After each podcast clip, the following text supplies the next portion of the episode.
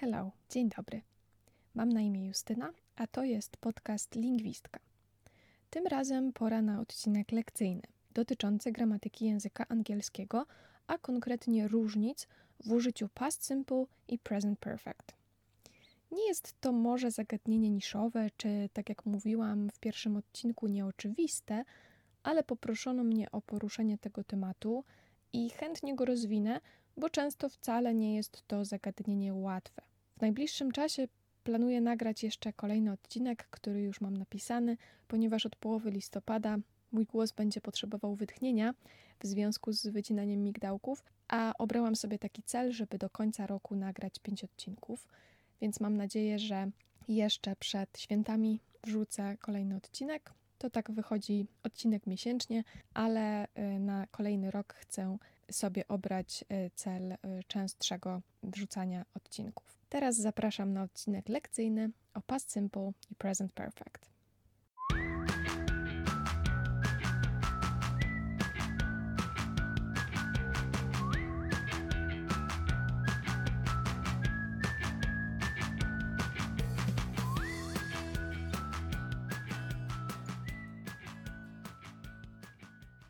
Zacznijmy od wytłumaczenia obydwu czasów osobno. Past simple, czyli czas przeszły prosty, to czas, który mówi o czynnościach przeszłych dokonanych z określeniem czasu. Oznacza to tyle, że w przeszłości coś się wydarzyło i zakończyło, przy czym podajemy, kiedy miało to miejsce.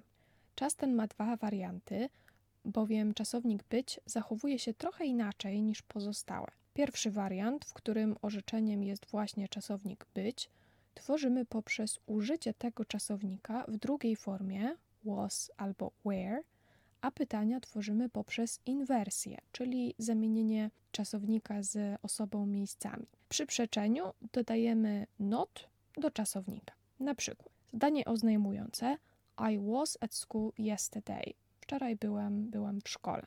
Pytanie Were you at school yesterday? Czy byłeś, czy byłaś wczoraj w szkole? I przeczenie I was not albo I wasn't at school yesterday. Nie byłem, nie byłam wczoraj w szkole. Tak jak zauważyliście, tak jak podkreśliłam, w przeczeniu możemy to not skrócić przy czasowniku być, czyli możemy powiedzieć wasn't albo weren't zamiast was not, were not. Drugi wariant, czyli wariant z każdym innym czasownikiem niż być, tworzymy trochę inaczej.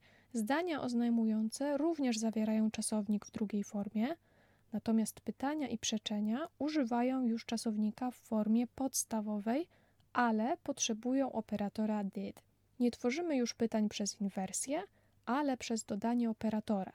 Podobnie przeczenie not dodajemy do operatora. Zawsze mówię swoim uczniom, że używamy czasownika w formie podstawowej, tam gdzie jest did, bo did już jakby jest w formie przeszłej. To jest taki sposób, żeby zapamiętać to, kiedy ta druga forma jest w zdaniu, a kiedy jej nie ma. Przykłady. I cooked dinner last week. W zeszłym tygodniu ugotowałem obiad. I tutaj cooked jest czasownikiem regularnym cook, więc w drugiej formie dodajemy ed.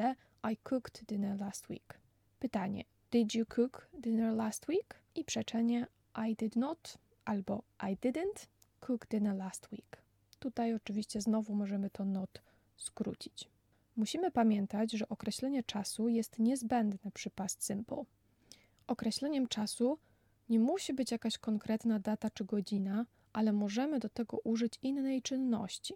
Taka konstrukcja, gdzie jedno wydarzenie określa drugie, nazywa się następstwem czasów i możemy do tego wykorzystać past simple i past continuous w dowolnej kombinacji. Na przykład zdanie z dwoma czasami past simple. When I woke up, I saw 13 unread messages. When I woke up, czyli kiedy się obudziłem w past simple, zobaczyłem I saw. Te dwie czynności są w czasie past simple, ponieważ nastąpiły jedna po drugiej. To były takie krótkie strzały. When I was cooking, I spilled the milk. Tutaj mamy czynność when I was cooking, gotowałem, czyli był jakiś taki proces. Rozlałem mleko, I spilled the milk, czyli w trakcie tego procesu coś mi go przerwało. Rozlałem mleko. W następstwie czasów czynność w past simple to właśnie ta, która była ta krótsza, która przerwała tę dłuższą. ale możemy też użyć dwa razy past continuous. When John was sleeping, I was watching TV. To można sobie łatwo wyobrazić, że to są dwie takie czynności długotrwające, które trwały sobie równolegle lub prawie równolegle, ale to nie ma większego znaczenia.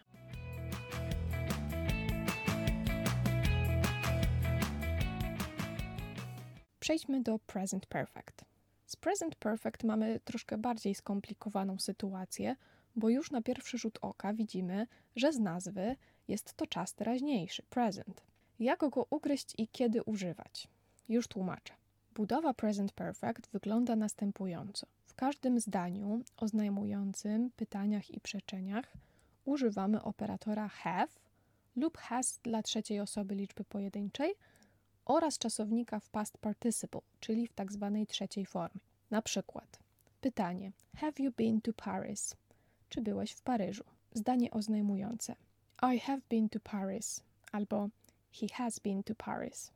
I przeczenie I haven't been to Paris. Po pierwsze, present perfect używamy do aktywności i stanów, które zaczęły się w przeszłości i nie zakończyły się. W praktyce będą to takie rzeczy jak praca gdzieś, mieszkanie, znajomości, hobby itd., tak ale również stany czy aktywności, które nadal się dzieją. Na przykład czytam książkę od dwóch godzin. I've been reading for two hours. W tym aspekcie różnica między past simple i present perfect może być pokazana za pomocą przykładu. Meg ran two marathons last year. Więc w past simple wiemy, że Meg przebiegła dwa maratony w przeszłości i kiedy to się wydarzyło? W zeszłym roku. I że w zeszłym roku to się zakończyło. Rok się skończył, więc możemy stwierdzić, że ona je przebiegła. To jest taki, takie dokonane. Ale Meg has run two marathons since last year. W present perfect wiemy, że Meg zaczęła swoje biegi w tym roku, ale ten rok się nie zakończył i ona może jeszcze przebiegnie więcej tych maratonów. Tutaj w przykładzie z present perfect użyłam słówka since. I to jest również słówko klucz dla present perfect. Oznacza ono od, to znaczy od jakiegoś punktu w czasie coś się działo lub dzieje. I have lived here since 2010. Since występuje zawsze tak jakby w parze ze słowem for, które oznacza przez jakiś czas. I have lived here for 13 years. Gdybyśmy narysowali sobie oś czasu, to since użyjemy tam, gdzie postawimy na osi czasu kropkę, a for tam, gdzie narysujemy zakres. Po drugie, present perfect używamy do opisania faktów z przeszłości, ale w tym czasie nie interesuje nas, kiedy to się wydarzyło, tylko fakt, że się wydarzyło. W tym użyciu ładnie pokazuje nam różnicę między past simple i present perfect przykład ze słońcem. The sun rose at 5 a.m. W past simple słońce wstało, dodajemy informację kiedy wstało, bo ona nas interesuje, ale the sun has risen, present perfect, słońce wstało, interesuje nas wyłącznie ten fakt, że już jest po wschodzie słońca. Inny, chyba mój ulubiony przykład do tego użycia to przykład z filmem. Wyobraźcie sobie sytuację, że wybieracie ze znajomymi, jaki film obejrzeć, ale ten wybrany wy już oglądaliście. W Past Simple powiemy I watched this film last month.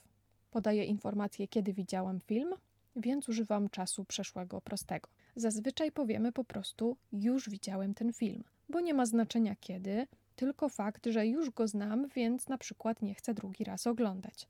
Użyjemy więc present perfect. I have seen this film. Albo jeśli chcemy podkreślić, że już oglądałem, I have already seen this film. W present perfect wyrazimy też czynności i akcje, które wydarzyły się niedawno, recently albo lately. Ponieważ uznajemy takie określenie za dosyć plastyczne określenie czasu, czasami ostatnio, czyli to recently albo lately, to może być dwa lata temu, a dla kogoś innego w innej sytuacji to może oznaczać wczoraj. Na przykład I have stayed in that hotel lately.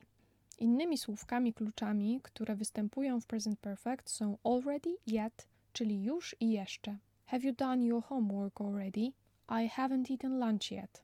Podobnie używamy słówka just, właśnie, dopiero co. I've just seen Julia. The train has just arrived.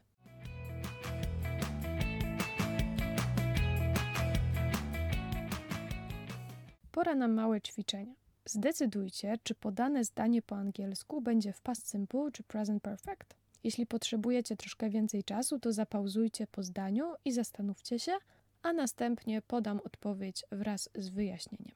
Nigdy nie byłem w Wiedniu. I have never been to Vienna. Używamy present perfect, ponieważ jest to jakiś fakt bez określenia czasu. Ciężko tu o niego, gdyż dana sytuacja nigdy nie miała miejsca. Auć, właśnie skaleczyłem się w palec. I've just cut my finger. Użyję słowa just i czynność była jakimś tam zaskoczeniem, więc używam present perfect. Gdy ukończyłem pracę domową, zadzwonił mi telefon. When I finished my homework, my telephone rang. Obie czynności są w past simple, ponieważ określają się nawzajem. Słówko when sugeruje nam określenie czasu, nawet jeśli nie jest ono bezpośrednim podaniem terminu czy godziny, a więc mamy tutaj następstwo czasów. Dodatkowo obie czynności skończyć i telefon zadzwonił, są właśnie tymi szybkimi strzałami. Nie są to czynności, które byśmy określili jako fizyczne, trwające, a więc obie czynności są w past simple.